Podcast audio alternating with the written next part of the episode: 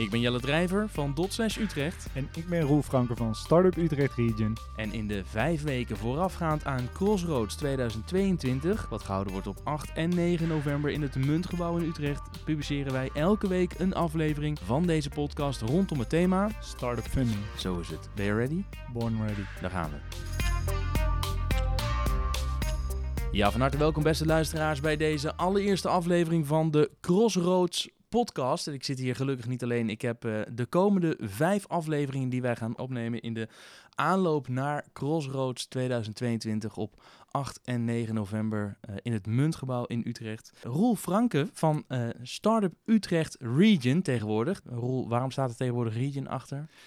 Nou ja, we vertegenwoordigen natuurlijk niet alleen de stad Utrecht. Dus uh, Amersfoort en Hilversum zitten ook allerlei uh, vette uh, start-ups. Um, gaat ook mee in de merknaam. De ROM Utrecht Region draagt dezelfde merknaam. Dus dat past er mooi. En sinds Startup Utrecht Region ook onderdeel is van de ROM, hebben we dat mooi netjes opgeleid. Ja, de ROM, de regionale ontwikkelingsmaatschappij, daar vallen jullie inmiddels onder. En Startup Utrecht kon uh, men de aanname bij hebben dat het alleen maar voor de stad was, maar het is voor de hele regio. Dus, uh, nou, en het mooie van de podcast is dat iedereen in het hele land ernaar kan luisteren. En dat is helemaal niet gek, want vandaag gaan we het hebben over start-up funding. Uh, dat doen we met onze gast van vandaag, Thomas Mensink. Goedemorgen, want we nemen dit ochtends vroeg op ja. bij ons in Dot Slash.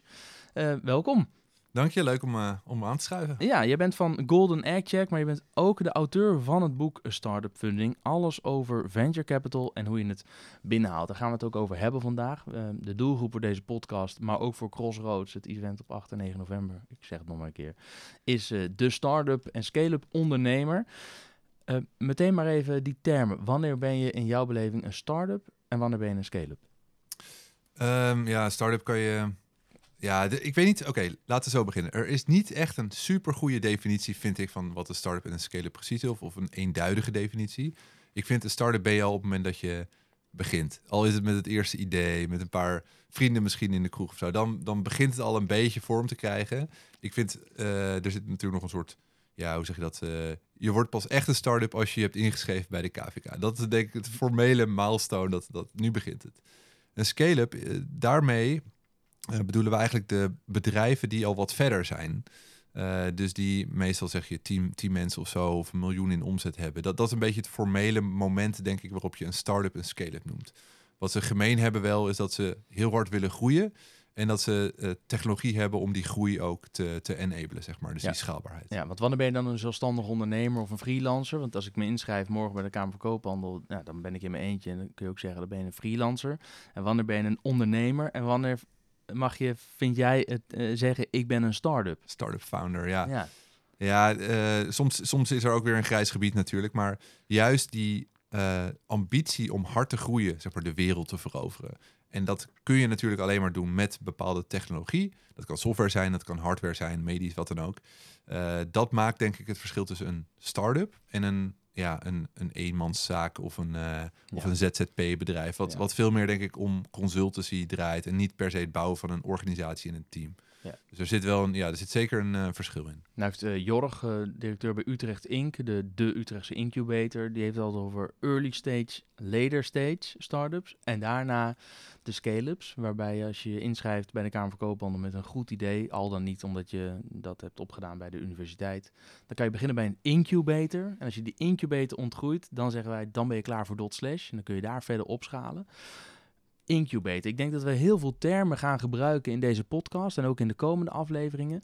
En toevallig hebben wij net een nieuwe collega aangenomen, Marloes. En die komt helemaal niet uit de startbeeld. En die zit de afgelopen week, die is net begonnen, met de oren te klapperen over al dit soort termen en al die afkortingen die we gebruiken. Dus ik wil eigenlijk ook meteen van de kans, uh, van de gelegenheid gebruik maken om uh, dit soort termen voor once and for all eens wel even uit te leggen ook. Dus als ik jou vraag, wat is dan een incubator? Of misschien Roel, wil jij hem, wil jij hem beantwoorden? Wat is een incubator? Nou ja, de letterlijke vertaling is natuurlijk een, uh, een plek waar je ei uh, uit kan spruiten. Hè? Dus waar je een, een, een bevrucht eitje in, in legt en dat kan dan, kan dan uit, uitkomen. Eh, en, en ik denk dat die analogie heel goed geldt voor, eh, voor, eh, voor start-ups ook. Dus het, het, het, het, het ei, het gouden ei, daar kun jij misschien ook nog wat meer over vertellen met jouw bedri- bedrijf. Ja. Daar, dat wil je laten, laten uitkomen. Daar heb je, kun je hulp bij, nodig hebben. Dus via programma's, een werkplek en eigenlijk faciliteert een incubator dat. Ik denk dat dat mijn korte samenvatting zou zijn. Thomas? Ja, nee, ja, ehm, eens. Het is vaak een plek plus eh, eh, services en, en het netwerk wat je heel goed kunt gebruiken als je aan het beginnen bent. Want een, het opzetten van een bedrijf is gewoon best wel lastig. En je kunt best wel veel leren en je kunt ook best wel veel fouten maken. En, en dat is op zich prima. Maar als je bepaalde fouten kunt voorkomen omdat anderen ze al hebben gemaakt, dan is dat nog beter. Dus een, eh, ik denk dat een incubator een plek is waar veel mensen samenkomen die dezelfde ja, vibe, dezelfde ambities hebben. Ehm, en, en, en dus is er heel veel gelegenheid voor peer-to-peer learning, zeg maar. Dus ondernemers onderling. Plus natuurlijk nog, eh, weet je, ze gaan zorgen dat er investeerders komen, dat er coaches komen, dat mentoren, dat soort dingen. Dus dat is ook belangrijk. Maar ik, ik vind vooral het interessant van de incubator vind ik vooral dat je like-minded andere ondernemers daar ontmoet, die, ja, die jou dus ook weer kunnen helpen. Ja, en waarbij je kan aankloppen en zeggen, joh, hoe pak jij dat aan? En die dan Precies, eh, zeggen, ja. joh, dat hebben wij de vorige keer verkeerd gedaan. Dus waak ervoor dat jij diezelfde fout maakt. Ja.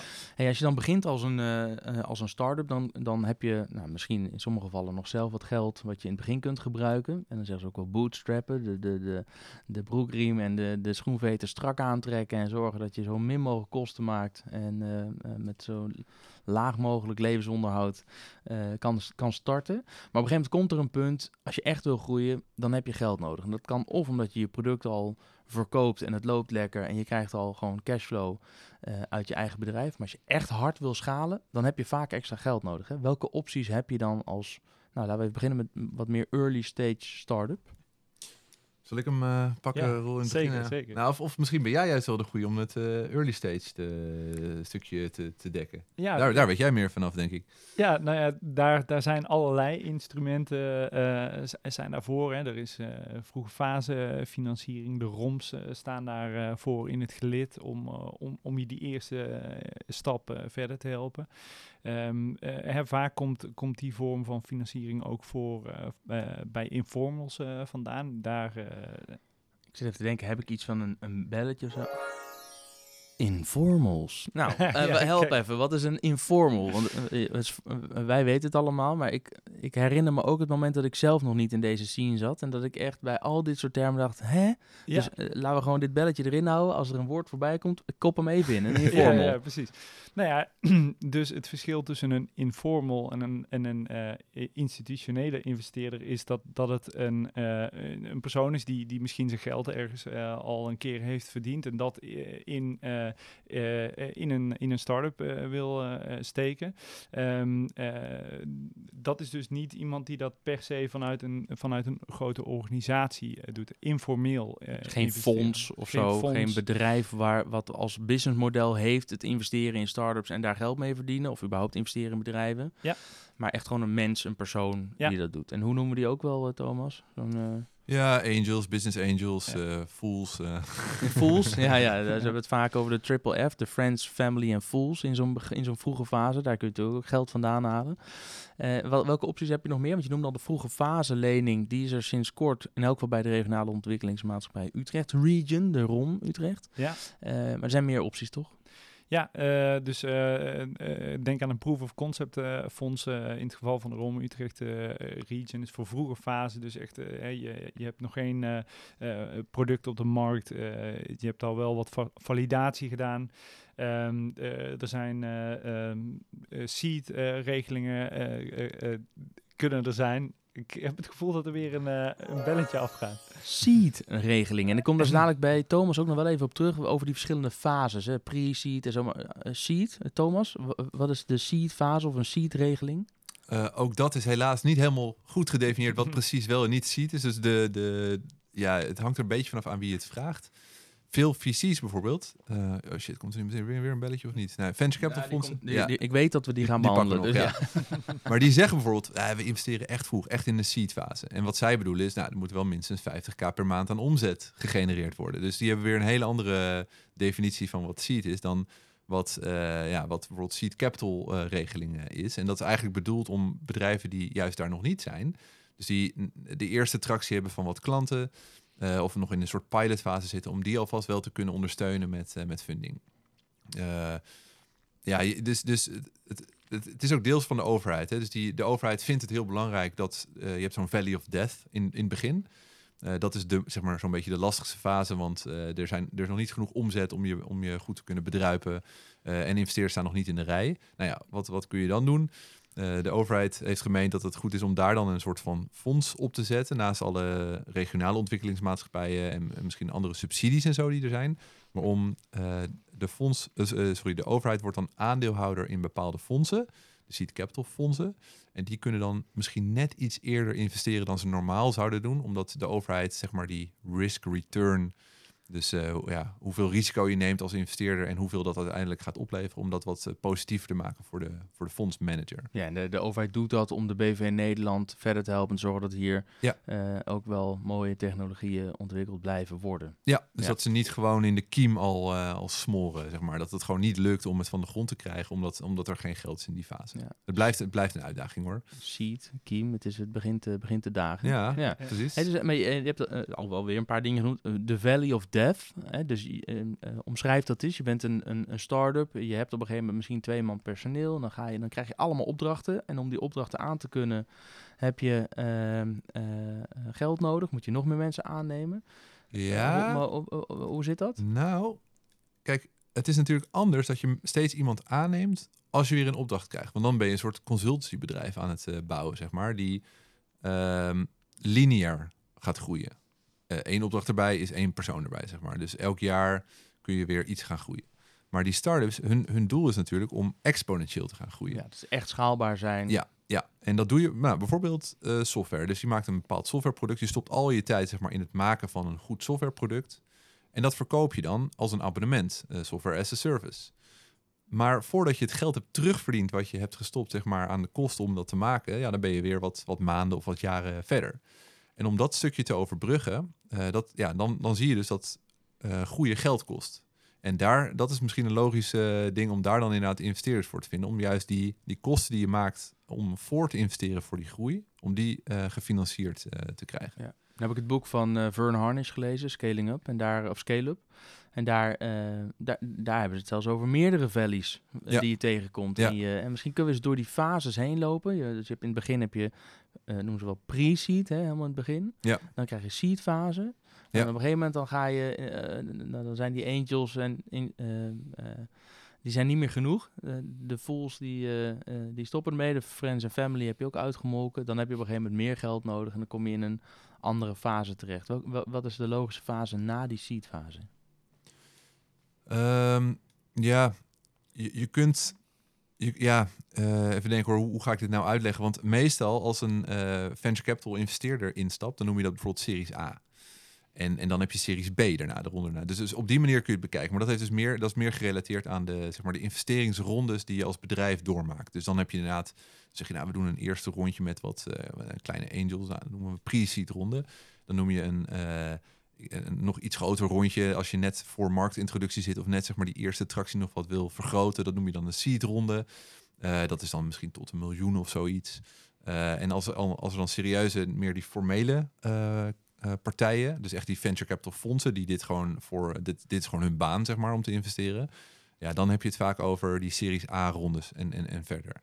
En dat Eh, zijn dan ticket sizes van 5 miljoen, 10 miljoen? Ja, eh, in Nederland kan, eh, begint het een beetje vanaf een miljoen, zou ik zeggen. En dat ga- gaat tot, tot, tot 10 miljoen. Dat is een, een soort, ja, dat is een beetje de range voor een eerste ja, er is, ook dit significante is niet ronde. vast omlijnd. Hè? Nee, Dus dat is nee, de- ja. nee. Dus dat, dat maakt het lastig. Want sommige mensen zeggen een Series A is de eerste ronde van zo'n fonds.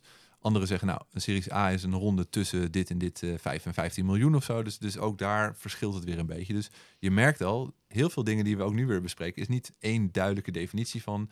En dat maakt het ook wel lastig, denk ik, als je de scene in, komt, eh, als, als, als nieuweling, zeg maar. Dat je hoort al die bedragen, eh, al die termen. En er is niet een duidelijk van, oké, dit betekent het precies. Het is ongeveer dit. We zijn ongeveer vroeg. VC's bijvoorbeeld zeggen altijd, we investeren early stage. Eh, en, met het idee dat ze daarmee dus heel ehm openstaan voor heel veel vroege bedrijven. Maar eigenlijk bedoelen ze nee, eh, we willen gewoon bedrijven die al significante eh, omzet draaien. Maar ja, liever zien we die wel wat vroeger dan, dan, dan het moment dat we echt gaan investeren. Eh, Is dat jouw doel ook geweest bij het schrijven van dat boek? Om, om die definities eh, voor eens en altijd eh, helder op te schrijven? Want het is een soort compendium van, van start-up funding. Alle, alle definities staan er nog een keer helder in uitge- uitgelegd. Ja, we, we hebben wel in ieder geval gekozen wat wij, wat wij vinden, zeg maar. En kijk, nog steeds al die verschillende fases ook. Je kunt, je kunt, je kunt het een groeifase noemen of een, een late stage fase of wat dan ook. Je kunt echt verschillende dingen ervoor bedenken. Voor het boek hebben we inderdaad ge- gezegd van oké, wij vinden dat Series A de eerste ronde van een venture capital fonds is. Eh, niet dat het echt mega belangrijk is om het boek te begrijpen of zo, of, of om te weten hoe je funding het beste ophaalt. Maar ja, het begint natuurlijk wel met even weten waar hebben we het nou eigenlijk, eh, eigenlijk over. Ja. ja. Als je nou op een gegeven moment als, als start-up verder groeit en dan eh, toe bent aan die Series A, dan ga je dus met venture capitalists om de tafel, VC's.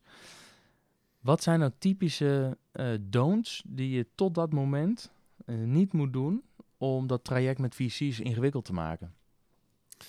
Ja, er, zijn een, een heleboel uh, doods, denk ik. Ja, dat, dat noem- maakt het ook wel lastig. Ja, maar noem er eens een paar. Nou, bijvoorbeeld wat, wat we helaas willen zien is dat ondernemers al in het begin, bijvoorbeeld met zo'n ronde van, van angels of met, eh, ehm, nou, ik denk dat dat dat zou, ja, dat, ik denk dat het daar het meeste misgaat, is dat ze dus een, een deal structureren. Dus ze halen geld op en geven al zoveel van hun aandelen weg, bijvoorbeeld, dat het daarna voor een venture capital fonds niet meer interessant is om in te stappen. Help even, want waarom is het dan niet interessant? Ik kan me ook voorstellen, je hebt, je hebt een, een, een rijke buurman of een oom, iemand uit je eigen netwerk, en die zegt, nou, ik eh, vind het een leuk idee, ik doe wel mee, Ehm, eh, ik geef jou, eh, eh, weet ik veel, 50.000 euro, kun je starten. Eh, maar je idee is nu nog niets waard, dus dan is 50.000 euro best veel geld. Ja. En het is allemaal nog maar fictief, het moet allemaal nog maar gaan gebeuren. Dus die, die buurman die zegt, nou, dan wil ik wel 30, 40 procent van je aandelen. Ja, precies. Dat is best wel veel. Dus dus oké, los van dat het misschien een, een logische deal zou zijn om op dat moment 50k te krijgen en daar iemand voor te belonen met ja, een waardering die op dat moment nog, nog helemaal niks is, ehm, is, het, is het eigenlijk voor het vervolg van de start-up niet eh, super gunstig als je al zoveel van jouw eh, aandelen al weggeeft. En, Want en ja, precies. Leg even uit, waarom is dat dan Ja. niet slim of niet handig? Waarom wordt zo'n venture capital bedrijf daar niet blij van? Als je, als je nadenkt over zeg maar, de route die het bedrijf nog gaat nemen, hè, de ambities van het bedrijf, dan is het waarschijnlijk om hard te groeien. En eh, wat we net zeiden, met, voor groei heb je waarschijnlijk weer investeringen nodig. Dus het zal niet bij één investering gaan blijven. Er zullen nog een paar rondjes komen. Dus dan heb je het misschien over Series A en dan B en dan C. Nou, misschien komt er dan een keer een, een exit eh, om de hoek kijken. Hè? Dus Ja. dat, dat je het bedrijf verkoopt. Daar eh, zullen we het misschien ook nog wel over gaan hebben. Maar weet zeg maar dat er dus meerdere dingen aan zitten te komen. Het is niet één hoepeltje waar je doorheen moet en dan is het voor de rest van, het, van de start-up geregeld zeg maar qua financiën. Eh, een investeerder die instapt, die, die weet dat. En die, die wil dus ook dat het, de founders die erin zitten, die de car trekken van die ondernemer, voldoende geïncentiveerd zijn om er ja, gewoon keihard voor te gaan eigenlijk. Want ja, start-up bouwen, dat is gewoon echt gewoon hard werken. Eh, het is niet altijd, het gaat natuurlijk niet altijd goed. Er is altijd een hoop stress en ellende en zo. Ehm, dus als je als founder nog maar zo'n kleine steek in je eigen bedrijf hebt, dan kun je na een tijdje gaan zeggen, ja, fuck it. Ik, Ja. eh, ik vind Voor het wie doe ik het eigenlijk? Ja, het dan ben je eigenlijk een een soort in loondienst van Ja. de Venture Ja. Capital eh, Club. Ja. Precies. Eh, of van je buurman dus. En dat, dat, Ja. dat, dat, dat wil je dus niet. En, en dus zeggen dus veel van die visies, als die cap table, dat noem je eigenlijk de hele pot van aandelen, zeg maar, als die al zo verstoord is door één partij die al zoveel heeft en eigenlijk niet zoveel waarde meer toevoegt, ja, dan vind ik dat dan een risico dat de founders niet meer geïncentiveerd zijn. En moet je dan aan het begin afspraken maken over eh, wat er met dat 30, 40 procent belang van die buurman gebeurt op het moment dat je verder komt? Of moet je gewoon vanaf begin af aan eh, zeggen tegen die buurman, 40 procent is niet reëel, want we gaan zo hard groeien. We hebben, er komt een punt dat we VC's nodig hebben en die gaan dan niet meer akkoord. Wat, wat, wat adviseer je? Het is heel moeilijk om het ongedaan te maken. Dus je, je, je moet vanaf het begin al, al zeggen van dit is geen optie. Oké. Eh, want je maakt het zo ongelooflijk lastig als je. Want een aandeelhouder, die, die, die, ja, daar kom je niet meer zo snel vanaf. Dus dat is echt, echt heel moeilijk. Je moet het vanaf het begin al heel goed nadenken. Dat begint eigenlijk al met je co-founders. Wat spreek je af over als iemand weg wil? Ehm, eh, want je wil niet dat de helft van de aandelen of een derde van de aandelen opeens weggaan. En dat, eh, hè, dat, dat iemand die aandelen wel houdt, maar, dat niet meer verder, is. verder niks meer toevoegt. Ja.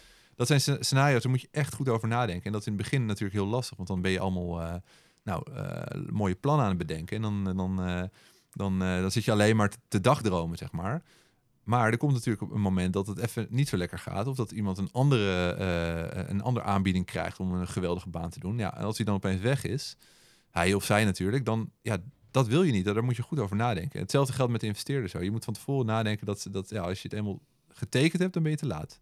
Dus in het geval van zo'n buurman of een eh, zo'n vroege fase ronde, maakt niet uit wie dat dan, wie dat dan investeert. Misschien kun je beter zeggen van joh, die waardering eh, is nu nog zo lastig vast te stellen, omdat we nog zo vroeg zijn.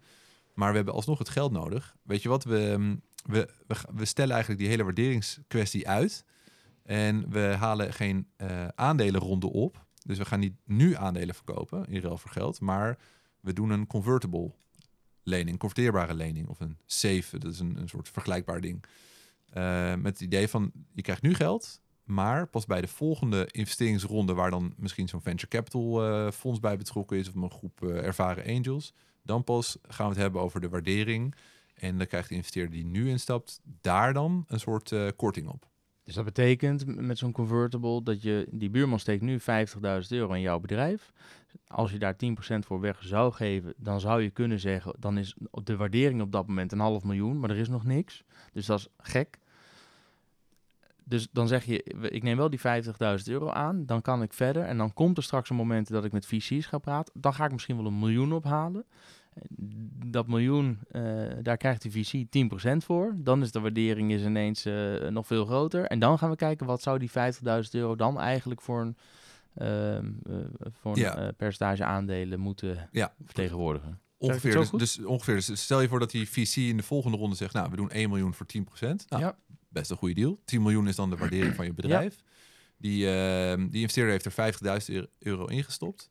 En die eigenlijk zegt, ja, nou, dan krijg je dus 50.000 euro ten opzichte van die waardering van 10 miljoen. Ja. Nu kun je zeggen, ja, dat is misschien wel heel weinig Ja. eh, aandelen wat je dan kan, krijgt. Kan ik me voorstellen dat die buurman dat zegt. Dus meestal eh, worden ze dan een beetje gecompenseerd. Het kan zijn dat ze zeggen, nou, er is een korting. Dus in plaats van 10 miljoen doen we alsof de waardering 8 miljoen is. Ja, dat is dan Eh, de discount. Dat is de discount. Je kan ook zeggen, eh, wat er ook gebeurt, zeg maar, als het, als het super goed gaat, dan we, we stellen een cap in. Dus de waardering mag niet, mag niet, ja, het kan wel, maar als die hoger is dan, ik noem maar wat, 3 miljoen, dan Ja. krijgen we alsnog een, een, een, een eh, conversie op 3, 3 miljoen. miljoen. Ja. Ja. En die conversie betekent dan, dus die, die 50.000 euro, die zit nog steeds in je bedrijf, maar dan krijgt op dat moment die buurman, eh, die wordt opgenomen, zou je kunnen zeggen, in die cap table. Ja. Met, eh, met een, eh, een waardering van 50.000 euro tegen 3 miljoen. Ja, precies. Ja, zo, Daar krijg je zo dan gaat, het, aandelen zo voor. gaat het ongeveer. Even, jij ja, probeert het ja. in zo in Ja. Jip en Janneke mogelijk uit te leggen. Zo gaat, er zijn nog wat, wat nuances, want soms komt er nog rente bij en dat soort dingen. Maar de, en het, het gaat ook om de waardering van de, de prijs van de, van de aandelen op dat moment. Maar dat, ongeveer klopt dit wa- wat je zegt. Dus de, de mechaniek is inderdaad dat, dat ze nu investeren tegen een onbekende waardering. Eh, maar ze liften mee met zeg maar, de waardering die er dan later is bij een volgende ronde. Ja. Ehm, en daar worden ze dan een beetje gecompenseerd voor het risico dat ze nu al nemen door zo'n discount of door zo'n valuation cap. Roel, ik kijk jou even aan, want jullie hebben bij de eh, ROM ook verschillende fondsen. Het POC-fonds, Proof of Concept, daar had je het net al even over. Maar er is ook een participatiefonds, waarbij de ROM een deel doet en een VC een deel. Wat zijn nou de voorwaarden globaal die eh, bij dat soort ehm, eh, Fondsen fondsen gelden? Gelden voor, voor een start-up om mee te doen eh, of om in te schrijven op zo'n eh, op zo'n fonds. Nou, het moet ehm, eh, passen binnen de thema's van de Healthy van de urban living. Dat, dat ten eerste. Er zijn ook nog een hele hoop andere voorwaarden, maar het lijkt mij wel interessant om daar op een later moment in een andere aflevering nog even wat dieper op in te gaan met, met onder andere Edgard Kremers, hoofd investeren van, van, van de ROM. Kijk, ik vind dit een hele goede teaser om vooral Ja, eh, precies. te- even op abonneren te drukken, zodat je een seintje krijgt wanneer de volgende aflevering van deze Crossroads podcast online staat. Dus de eh investeringsvehikels van de ROM gaan we het later uitgebreid over hebben. Ja. Thomas, ja, sorry. Ik, ik heb ook nog wel een vraagje aan, aan Thomas. Je stipt net al, eh, net al aan. eh, en, en in het boek besteden jullie daar ook uitgebreid aandacht aan. Wanneer is nou het goede moment voor een start-up founder om, om het eens te hebben over eh, eh, over de afspraken die je hebt. Ik zie heel veel jonge start-up eh, founders en eigenlijk ben je daar helemaal nog niet mee bezig. Ben je be- bezig met het, met het bouwen van, van je bedrijf. En, en wat, wat zou jij nou adviseren om, om daar eens een keer over in gesprek te gaan? Ja, dit zijn typisch van die dingen waar je eigenlijk niet vroeg genoeg al mee kan beginnen. Maar je hebt er in het begin eigenlijk helemaal geen zin om daarover na te denken. Dat snap ik ook wel. Maar na een tijdje komt er een moment dat het allemaal wat formeler gaat worden. Hè. Dus, dus eh, in het begin zit je nog een beetje te pielen, misschien een beetje onderzoek te doen, te valideren. Misschien eh, ga je naar zo'n incubator en eh, doe, doe je mee. En, en eh, om, om te leren of om te ontdekken eh, of een team te vormen, dat soort dingen. Eh, ik kan me voorstellen dat dan andere dingen meer prioriteit hebben bijvoorbeeld, wil ik dit wel? Hè? Wil ik ondernemer worden? Ehm, ka- kan ik een kans in de markt vinden, een probleem, zeg maar, waar wij ehm, een oplossing voor kunnen bedenken? Eh, ik denk als je na een tijdje een beetje door hebt van, oké, we hebben een team, we hebben een pro- probleem in de markt gevonden waar we enthousiast over zijn en daar willen we op inzetten. eh, dan begint denk ik het proces dat dingen wat formeler gaan worden in het bedrijf. Dan, dan moet je het misschien gaan hebben over salaris, over kosten, misschien over eerste medewerkers die je aan gaat nemen en dat soort dingen. Eh, je gaat natuurlijk formeel ook inschrijven bij de, bij de Kamer van Koophandel. Eh, misschien haal je al wat eerste geld op bij zo'n, bij zo'n incubator of een, of een pre-seed fondsje of, een angel of wat dan ook. Ja, dan moet je dat gewoon duidelijk hebben. Ehm, investeerders die willen die duidelijkheid ook. Want die zitten ook niet te wachten op een team dat opeens uit elkaar valt en, en dat, eh, dat, dat, dat opeens een, groot deel van de aandelen weg zijn. Ehm, en, en als het goed gaat, of als je, als je nog in die positieve vibe bent, dan is dat misschien ook het juiste moment om daar al over te praten. Niet op het moment dat het al fout is gegaan, want dan, ja, dan, dan zit je in een hele andere situatie. Het is, het is een beetje zoals, ehm, eh, zoals trouwen natuurlijk. Eh, eh, want, want daar spreek je natuurlijk met, van tevoren ook af, oké, als het fout gaat, dan is dit hoe we de buit verdelen. Eigenlijk komt het daar ook een beetje op neer met co-founders. Ook een soort van huwelijk.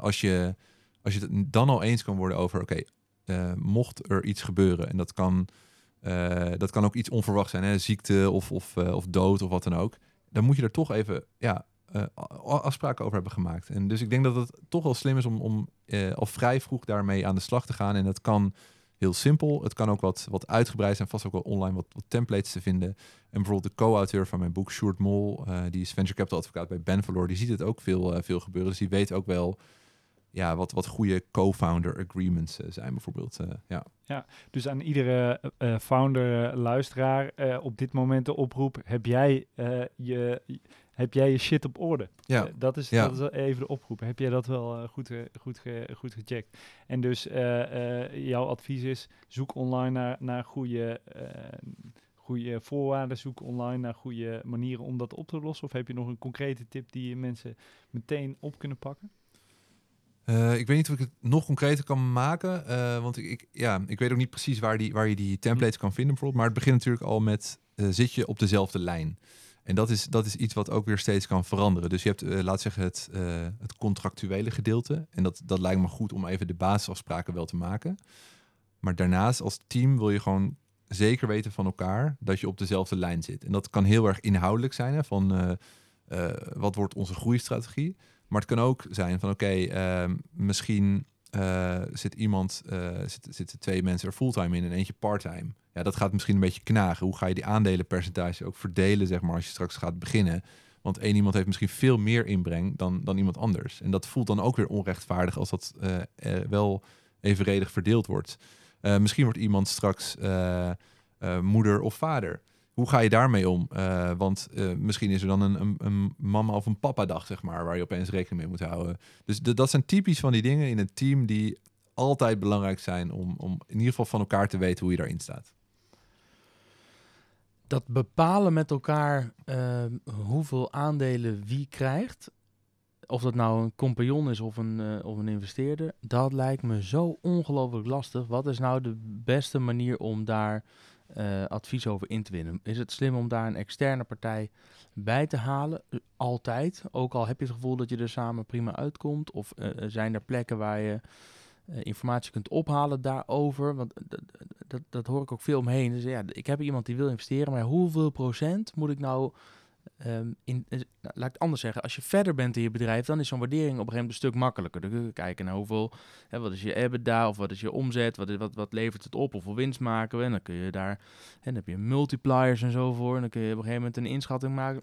Nou, zoveel is mijn bedrijf ongeveer waard. En daar kun je dan nog over dimdammen, maar dan kun je op basis daarvan eh, eh, het een en Ja. ander verdelen. Maar als je begint, is het zo ongelooflijk moeilijk. Je zei al, die convertible kan je toepassen, zodat je gewoon de waardering later doet. Maar waar kun je nou het beste advies in winnen als het gaat over wie krijgt welk stukje van de taart? Ik denk bij co-founders onderling.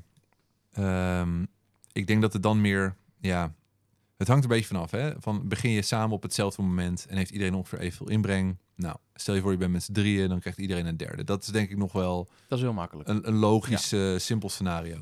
Ja, het- je hebt allerlei varianten. Er komt iemand, er zijn, je begint met z'n tweeën en na een tijdje merk je, we missen bepaalde competenties. Er komt er nog iemand bij, maar ja, op dat moment heb je al misschien wat opgezet. Dus eh, dan moet diegene daar weer een beetje voor eh, gecompenseerd worden. Dan krijgt hij misschien wel aandelen, omdat hij een soort late co-founder is, maar misschien weer, weer wat minder dan die, eh, andere twee. Dus ik denk dat met co-founders begint, denk ik, is de essentie van begin, be- los het met elkaar op. Want ja, dat is denk ik nog steeds de beste manier. Daar moet je niet iemand voor inhuren die zegt: Oké, eh, jij stopt er zoveel uur in en jij zoveel, dus we gaan het op die manier verrekenen. Dan heb je denk ik de foute incentives. Dus je moet gewoon kijken naar onderbuikgevoel. Het moet goed voelen. Dat is in die eerste fase is dat gewoon het belangrijkste. Ja, en, en het sleutelwoord is denk ik fair, fairheid of zo. Eh, Want Ja. dat geldt denk ik ook met, met eh, investeerders in een vroege fase. Kijk, je kunt het onderste uit de kan halen als je met investeerders onderhandelt over waardering. Ehm, maar een investeerder is natuurlijk ook niet gek. Die, het gaat niet alleen om de waardering van het bedrijf. Het gaat ook om al die andere deal terms die ook zo belangrijk kunnen zijn. Bijvoorbeeld, je kunt wel een hele hoge waardering hebben. Dat betekent dat je relatief minder aandelen hoeft eh, af te staan aan de investeerder. Maar als dat komt met een, bijvoorbeeld een, ehm, een eh, participating likpref, dat betekent dat als het ooit tot een verkoop van het bedrijf komt, dan krijgt de investeerder als eerste geld terug. En daarna delen ze nog een keer mee in, in het restant, zeg maar. Hmm. Dus ehm, dat kan voor een investeerder manier zijn om te zeggen: Oké, wil jij een hoge waardering? Dat is prima. Maar dan willen wij wel dit hebben. Want, want daarmee staan wij vooraan, zeg maar, als het eh, bij een exit. eh, eh, als het geld als de buit verdeeld, verdeeld wordt. Liquidpref, liq- liquiditeit, Liquidatie, preferentie. Ja. liquidatie, preferentie. Dus, Dus het gaat liquidatie- niet om het geld, niet nee. liquiditeit. maar- Nou ja, het, het, het heeft natuurlijk te maken. liquidatie gaat over het geld wordt verdeeld, zeg Ja, maar. Dus ja. er komt er geld beschikbaar. En preferentie is en wie Wie staat er krijgt- voor in de ja, rij. Wie krijgt als eerste? Ja, Ja. Dat herken je misschien van die hypotheek op je huis. De bank krijgt als eerste zijn Ja, geld. Ja, ja, precies. Of de, of de Belastingdienst, die komt nog, eh, weet je wel, die staat weer helemaal eh, ja. ja, vooraan. Ja. Ja, ja. En, en, en het probleem kan natuurlijk zijn dat je als founder helemaal achteraan staat. Of, of dat, dat je, je medewerkers nog, nog verder in de rij staan. Ja, en dan krijg je soms wel vervelende situaties. Kijk, als er een geweldige exit is, ja, dan, dan is iedereen rijk, zeg maar. Dat, dat is ook niet het probleem. Als er geen exit is, eh, nou, dan, dan is iedereen aan het huilen. Dan is er ook geen probleem. Maar het, de, de wroeging ontstaat natuurlijk als je een middelmatige exit hebt. Waarbij die investeerders eerst al heel veel van de tafel pakken. Dan heb je keihard gewerkt als founder om, eh, om tot die exit te komen. En dan hou je er eigenlijk bijna niks aan over. Ja, dus dit is wel echt iets om, om eh, heel scherp op te zijn op het moment dat je om de tafel zit met die investeerders. Want dat lijkt op dat moment misschien heel, eh, nou ja, prima joh, want straks verdienen we toch heel veel geld. Ja. Maar je moet ook een, een slechter scenario uitwerken. Wat nou als we een medium exit hebben straks? Ja, En wat ja. is dan het resultaat? Ja, en dat, dat, daarom vind, vind ik het fijn dat ik het boek eh, met Sjoerd Mol heb geschreven. Eigenlijk kwam hij met het idee, want hij, ziet, eh, hij is dus venture capital advocaat. Hij ziet veel van die deals. En hij weet dus ook hoe het fout kan gaan, zeg maar.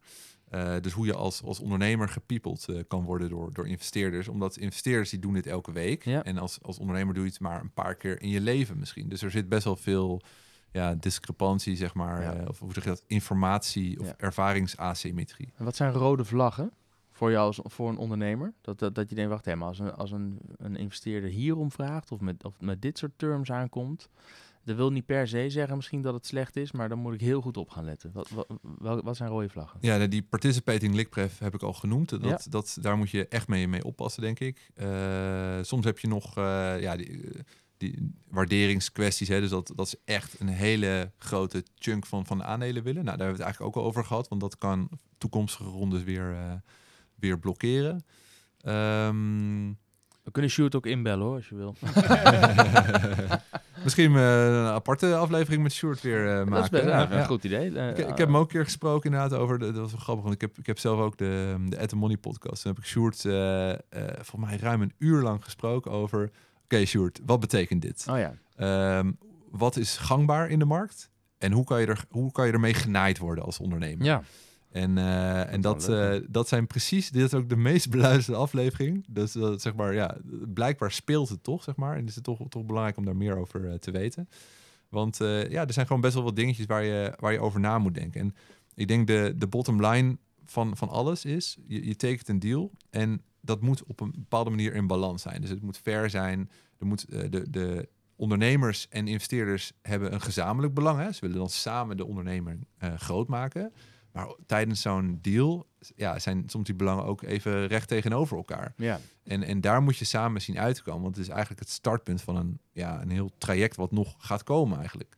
Ehm, dus, dus daar, ja, vandaar dat ik zeg, ja, de waardering, het heeft niet zoveel zin om het onderste uit de kant te halen met een waardering als de rest allemaal ja, niet gunstig is voor jou. Dan, dan schiet je jezelf ook in je voet, maar dan pas op lange termijn. Ja. Dus, ehm, eh, ja, dus daar moet je goed over nadenken. En het beste hoe je dat op kan lossen is denk ik ook gewoon door met meerdere investeerders te spreken op hetzelfde moment. Dus je moet even goed nadenken over hoe je dat fundraisen doet. Dat je dat niet eh, eerst naar een investeerder gaat en dan afwacht wat het oordeel is en dan naar de volgende gaat. Maar dat je eigenlijk dat probeert parallel te doen. Waardoor je ja, je onderhandelingspositie sterker maakt. En eh, daarmee ook de deal voor jou als founder gunstiger maakt. En ja, dat, het, het klinkt heel, heel simpel, maar al, alles heeft te maken, denk ik, ook waardering en ook al die dealterms met de, ja, de onderhandelingspositie die je als eh, start-up eh, ja, voor jezelf hebt gecreëerd. En nu noem je al, hè, je, moet, je moet veel investeerders eh, spreken. Eh, eh, ik vind dat eigenlijk wel een mooi bruggetje. Met, met Golden Egg Check faciliteren jullie eh, daar eh, startups mee. Zou je daar iets over kunnen, kunnen vertellen? Zeker, ja, want dit, dit doen we inderdaad een tijd al, dat we startups helpen met, met voorbereiden. Ben je goed, ben je investor ready? Dus ben je nu klaar om een investering op te halen? En dat kan zijn klaar voor een angel of klaar voor een venture capital fonds of wat dan ook. Ehm, eh, dus we brengen startups en investeerders met elkaar in contact. En een van de manieren hoe we dat doen is via Startup Roulette. En dat is eigenlijk een online speed date event. Voor startups dus, startups en scale-ups. En voor investeerders. Dus dat zijn angels, VC's en impact eh, investors, zelfs wat corporate eh, VC's. En ehm, ook tijdens Crossroads hebben wij een eh, editie van Startup Roulette. Ja, superleuk. Online, maar als mensen er toch al zijn, zowel zeg maar de start-up als de investeerder, kunnen ze elkaar ook gewoon face-to-face eh, eh, elkaar ontmoeten, kennis maken. En het hele idee daarvan is, het is, het is een uurtje.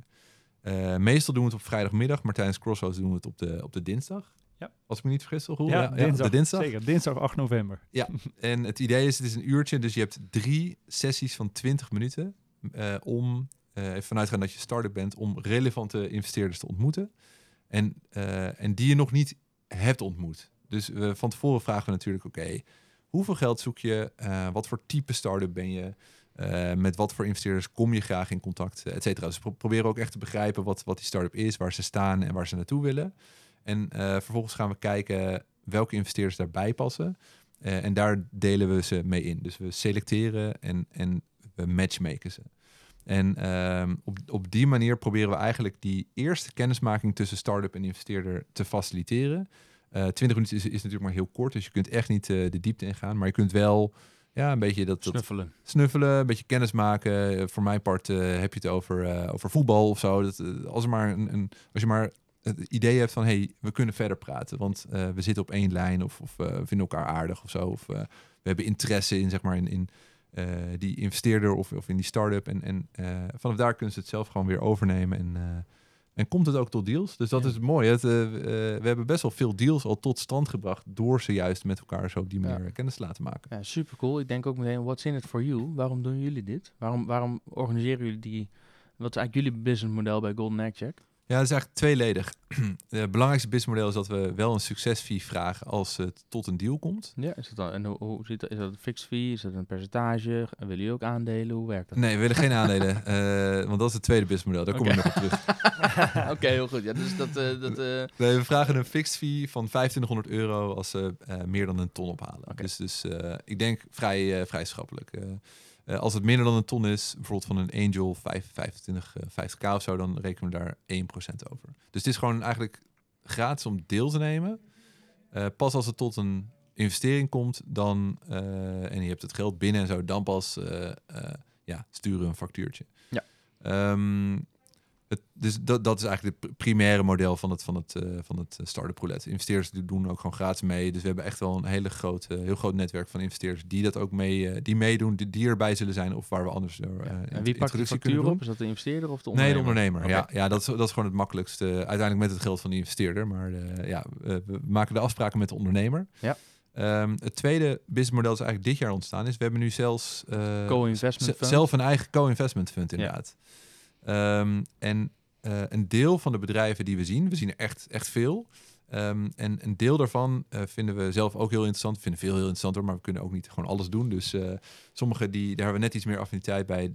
Die willen we dan ook, willen zelf ook een stukje meedoen. Dus dan investeren we bijvoorbeeld eh 25 of 50.000 euro mee op dezelfde voorwaarden van een lead investor. En dat kan dan eentje zijn die we, waar we de start-up bij introduceren.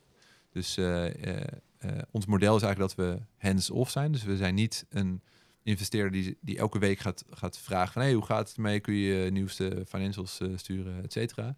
Maar wij zijn wat dat betreft vrij hands-off. Maar waar we mee helpen is access to capital. Dus we kunnen de start-up in contact brengen met de juiste investeerders. Dat kan dus al voor deze ronde zo zijn of voor vervolgrondes.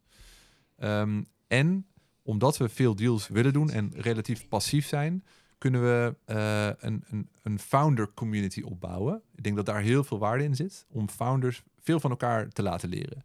Dus wat, je, hè, wat ik beschreef in dat incubator model, dan zie je dat ook gebeuren, dat founders van elkaar kunnen leren. Die zijn vaak vroeg, maar misschien komen nog wat, wat ex- ervaren founders ook weer terug naar die eh, incubator om ervaringen uit te wisselen. Nou, dat hebben wij dus ook. Een heel netwerk van founders die misschien naar Amerika willen en, en zich afvragen hoe ze dat het beste kunnen doen. Of eh, saleskanalen willen opschalen en, en een keer willen sparren met een andere founder. Ja.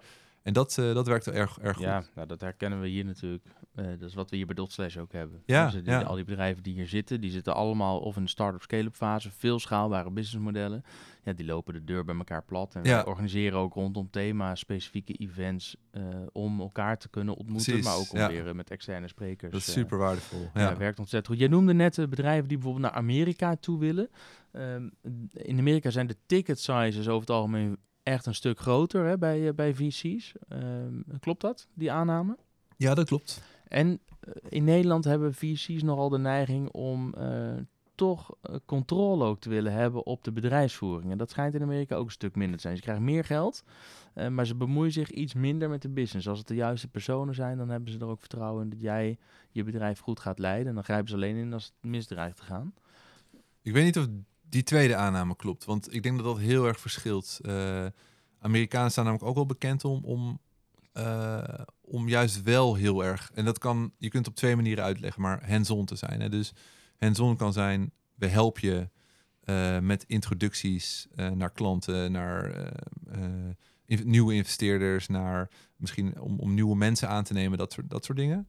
Eh, maar het kan ook zijn dat ze gewoon heel erg eh, ja, bemoeizuchtig zijn, zeg maar. En, Toch wel, want ik dacht, Ja. ik, ik dacht dat daar juist eh, dat ze dat in Amerika wat minder hadden dan in Nederland. Nou, ik denk dat ze in Amerika wel, wel ook gewoon gewend zijn om hard in te grijpen als het nodig is. En daar, ik denk dat die mentaliteit is wel wat anders. En, en misschien dat veel Nederlandse startups daar een beetje in, in vergissen.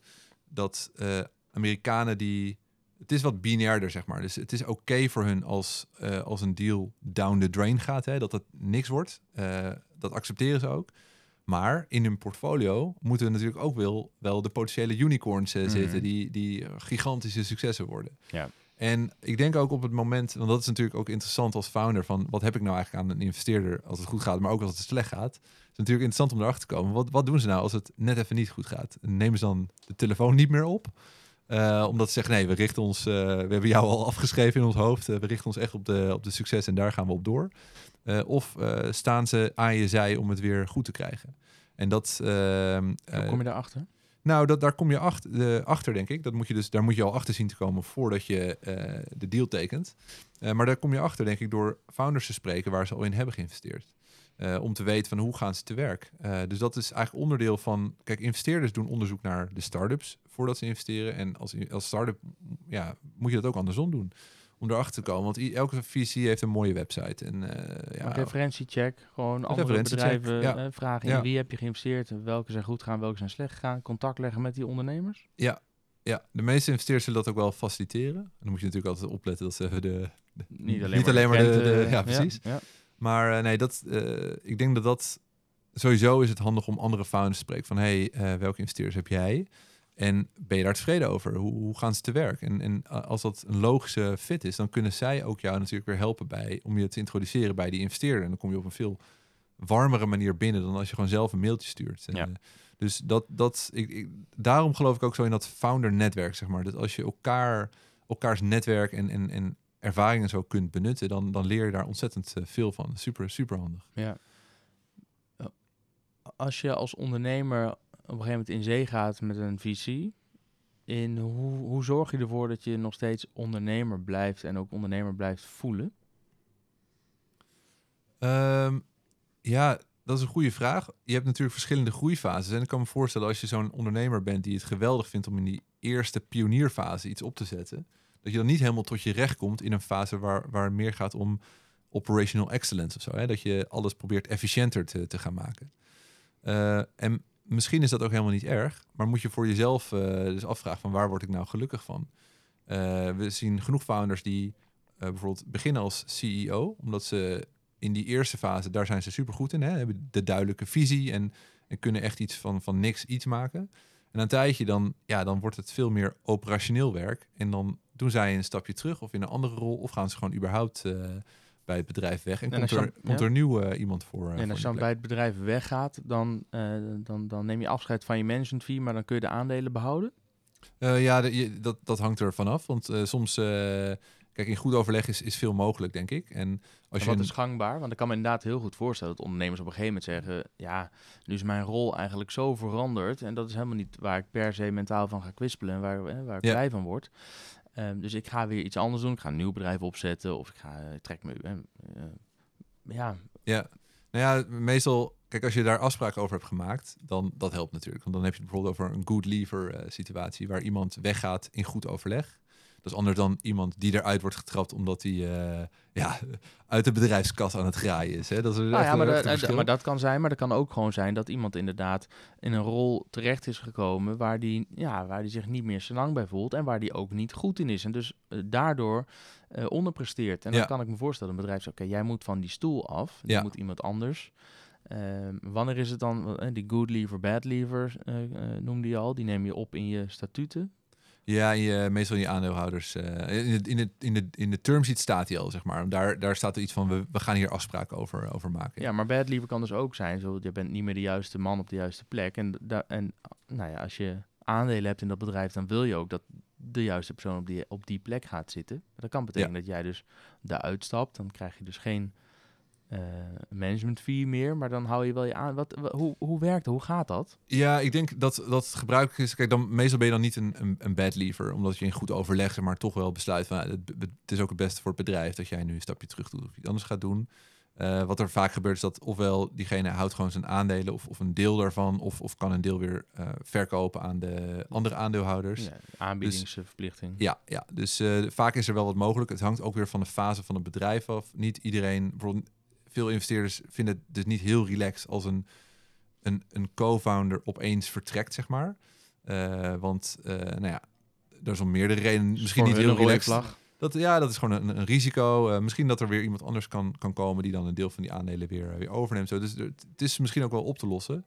Maar het, het, gebeurt denk ik vaker in een fase dat er al een paar rondes overheen zijn gaan en dat de aard van het bedrijf dus helemaal gaat, gaat veranderen op dat moment zijn de risico's zijn ook weer anders. Want het gaat niet meer om risico's dat er opeens die visie zeg maar verdwijnt. Het gaat om het risico dat iemand niet meer op zijn plek zit. En, dan, en opeens draaien die risico's. Dan is het beter om misschien afscheid van iemand te nemen dan iemand aan boord uh, te laten. Uh, hoe dat dan precies wordt opgelost, eh, dat weet ik ook niet. Maar er zijn, ik denk dat dat wel belangrijk is om daar, om, om daar ook open over te zijn. Want als, als je niet meer op je plek zit, ja, dan ben je eerder een last tot het bedrijf, voor het bedrijf, dan, dan en dat je echt je aandelen hebt, is dat ook niet in jouw belang. Nee, de- precies. nee. precies. Ja. Hey, jullie hebben dat co-investment fund, daar vertelde je net al even. Hoe komen jullie dan aan dat geld? Ja, het is niet zo dat we zelf al eh, superrijk zijn of zo, maar eh, wat, eh, we hebben één investeerder gevonden die vaker in venture capital fondsen investeert. Dus die heeft eh, ons geholpen met het geld, hè? dus dat, dat scheelt. Want eh, eh, nou, we hebben, leggen zelf ook een stukje in hoor, maar diegene heeft gewoon, eh, die, die heeft genoeg geld. Ehm, maar die heeft ook heel veel ervaring met hoe je eh, een fonds goed eh managt. Dus hoe je bijvoorbeeld duidelijke eh, rapportages maakt voor de investeerders. Of gewoon echt wat de best practices zijn. En kijk, ik heb nog nooit een fonds opgezet. Ik, ik denk dat ik wel leuke deals kan, kan zien en doen. Maar ja, hoe, hoe werkt zo'n heel fonds? Joh? Geen idee. Het Nee, was voor mij ook allemaal nieuw. Super cool. Ja, Heel ja. leerzaam. En, en, en het helpt dus om een geduldige investeerder te hebben die zegt, joh, eh, zo'n capital call, dus als je geld van die investeerder oproept, zeg maar, om te gaan investeren in het bedrijf wat je net hebt gezien, ja, dat moet je even zo en zo doen, want dan is het voor ons ook meteen duidelijk. En, en elk kwartaal mo- maak je een mooie rapportage. En ja, als dat er nou in staat, dan ben ik echt eh, blij. Nou, top. Weet je wel, dan hebben we gewoon wat voorbeeldjes van dit kunnen we dan erin Ja, zetten. En dan, dan werkt het. Dus we, dat, dat gaat nu eigenlijk heel goed. We hebben, eigenlijk hadden we budget voor 10 deals in officieel twee jaar tijd. Maar zoals het eruit ziet, hebben we dat in een, in een jaar er wel doorheen, zeg maar. We zitten nu op zes van de tien. Eh, Zes, ja, zeven, acht, eh, die, die staan ook al, zeg maar, opgelijnd. Dus we moeten echt serieus gaan nadenken over het, eh, het vervolg. En we hebben bewust gezegd, dan dit is een soort van validatiefonds. Werkt het? Hè? Ja. Met die kleine tickets, meedoen met, met zo'n lead investor. eh, eh, terwijl je eigenlijk zegt, van, nou, wij, wij zijn hands-off. Dus lukt het om, om, eh, om in die deal te komen, zien de ondernemers ook de waarde van het, van het netwerk dat we hebben met investeerders en met andere founders. Ehm, ja, en ik denk dat het lukt. Dus ik denk dat we volgend jaar met een iets groter fonds. eh, En ook eh, met weer meer met die, met, die- met die ene investeerder of, of kunnen andere ehm, wealthy Nee, individuals daar ook op inschrijven? Ja, dus dan willen we echt wel wat, eh, wat meer. eh, ja, het liefst operators, dus echt ondernemers zelf eh, binden aan het fonds. En waarom? Omdat we denken dat die dus ook die waarde hebben voor die hele community van founders. Eh, dus eh, bijvoorbeeld, zij hebben zelf een exit gemaakt. Dus dan kun je dus direct in, in startups gaan investeren als een, als een angel investor. Maar je kunt ook in een fonds gaan investeren.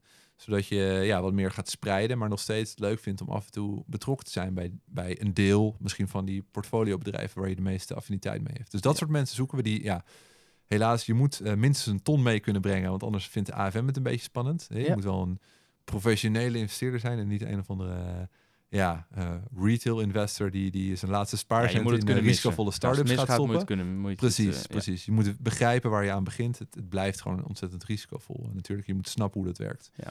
En zo'n die investeerders zullen waarschijnlijk allemaal vragen welke exit heeft, heeft er in fonds 1 plaatsgevonden? Is, die al, is die er al geweest of in de aantocht? Nee, joh, we, zijn, we zijn in maart begonnen en het is nu, eh, we nemen dit op in september. Dus eh, dat, die zes maanden eh, was nog niet lang genoeg voor Nee, een dat snap exit. ik. Ehm, nee, dus, dus het enige wat we nu kunnen zeggen is, joh, de bedrijven waar we in hebben geïnvesteerd groeien. Eh, er is één keer een overnamebod geweest voor eentje, maar die is afgewezen, vriendelijk afgewezen. Die was net iets te laag. Eh, dus we zaten wel dicht in de buurt bij een exit. Maar eh, joh, op dit moment kun je er eigenlijk nog niks over zeggen. Want bedrijf, start-ups groeien totdat ze doodgaan. En ik denk dat we echt goede deals hebben gedaan. Maar eh groei van een bedrijf in deze fase, na zes maanden nadat je het geld hebt binnengehaald, ja, dat zegt natuurlijk niet zo, niet zo heel veel. Wat zijn wat jou betreft de grootste uitdagingen voor startups en scale-ups die nu financiering willen ophalen of nu de komende twee jaar? Nou, de, de markt is wel een beetje veranderd natuurlijk. Vorig jaar hebben we een, eh, een all, all-time high gezien. In Nederland, in de hele wereld denk ik ook wel.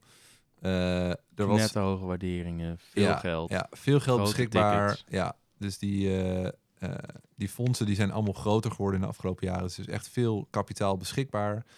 Ehm, eh, er was veel concurrentie, dus de waardering ging omhoog. Er werd veel geïnvesteerd in bedrijven die al best wel ver waren. We vorig jaar hadden bijvoorbeeld MessageBird en Molly en zo. Die hebben mega veel opgehaald. Nou, dat zie je dit jaar een stuk minder. Omdat eh, ja, die, die, de publieke markt is veranderd. En ook de private markt is daardoor ook weer veranderd. Dus het is lastiger misschien. Het exit-landschap is een beetje ingeklapt. Het is allemaal wat moeilijker. Dus eh, investeerders zijn toch wat huiveriger, denk ik, om echt eh, tegen te hoge waarderingen in te stappen. Nu ga je dat merken, denk ik, als, als start-up als je vroeg bent. Omdat sommige angels misschien wel zeggen van... Ja, ik vind het nu een beetje spannend. Ik hou het nog even in de zak. Ik hou nog even in de zak, kijk nog even aan. Ehm, eh, dus ik denk dat, dat dat misschien wat lastiger gaat worden. Eh, en ik denk ook dus dat die bedrijven die echt ver zijn, die zo'n groeironde, echt zo'n zo'n mega bedrag willen ophalen, ja, die hebben nu ook misschien, eh, ja, dat, dat gaat ook niet meer zo makkelijk als het vorig jaar ging. Eh, omdat die fondsen daar wat, wat terughoudender zijn geworden ook. En zijn dan de, de bedragen, de ticket sizes, worden die kleiner of wordt de, is vooral de waardering lager? Dus moet je meer aandelen weggeven voor hetzelfde geld?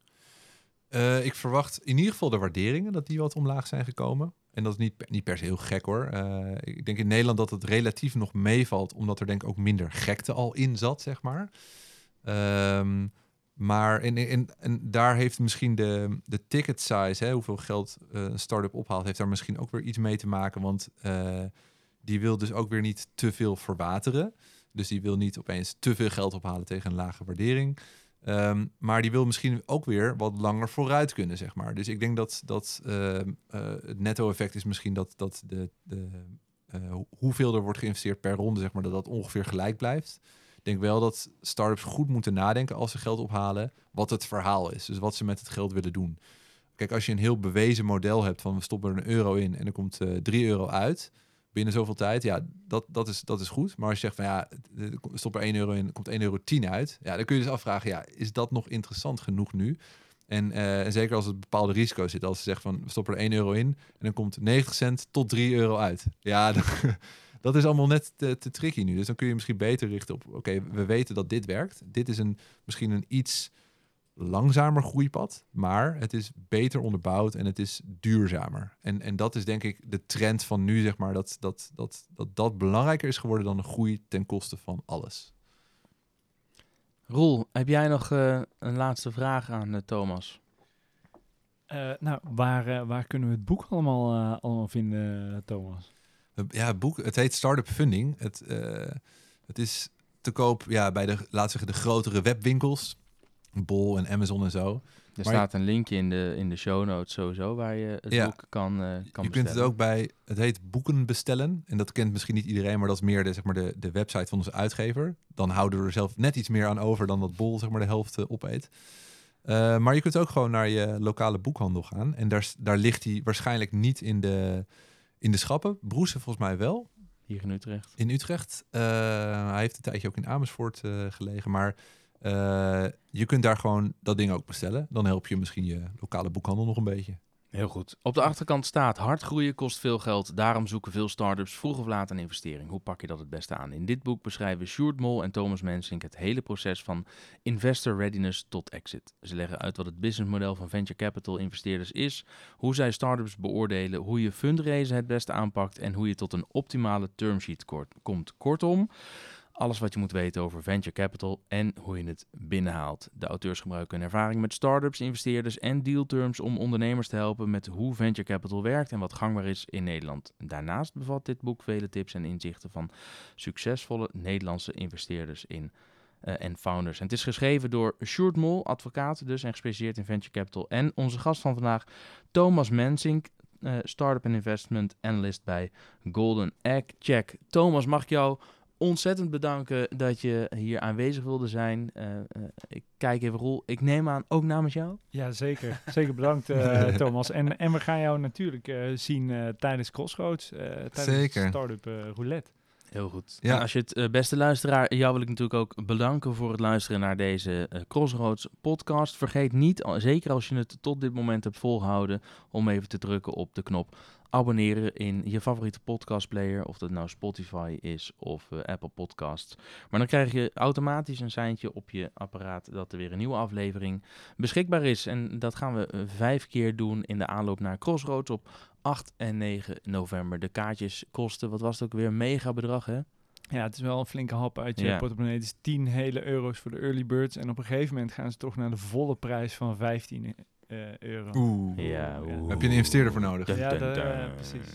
Ja, nee, dus het kost helemaal niks. ehm, eh, maar wel zeker de moeite waard. 8 en 9 november in De Munt in Utrecht. Eh, nogmaals dank Thomas Mensink en natuurlijk ook Roel van Startup Utrecht.